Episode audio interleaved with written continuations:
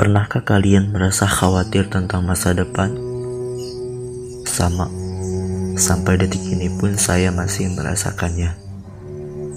Ini sebenarnya tentang kekhawatiran dan ketakutan.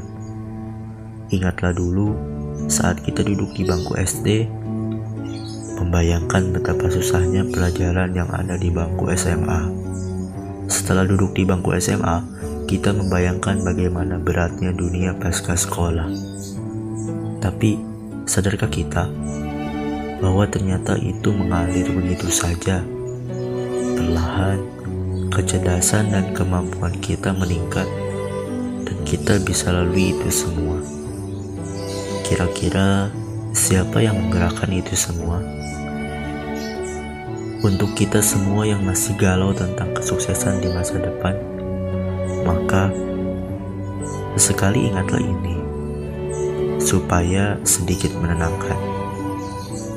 Beberapa tahun lagi saat kesuksesan itu benar-benar engkau raih, kau akan memandang ke belakang seperti halnya dirimu saat ini yang tersenyum melihat dirimu yang masih SD duduk melamun penuh kekhawatiran. Hikmahnya adalah semua akan indah pada waktunya. Teruslah berusaha sebaik-baiknya dan jangan pernah putus asa.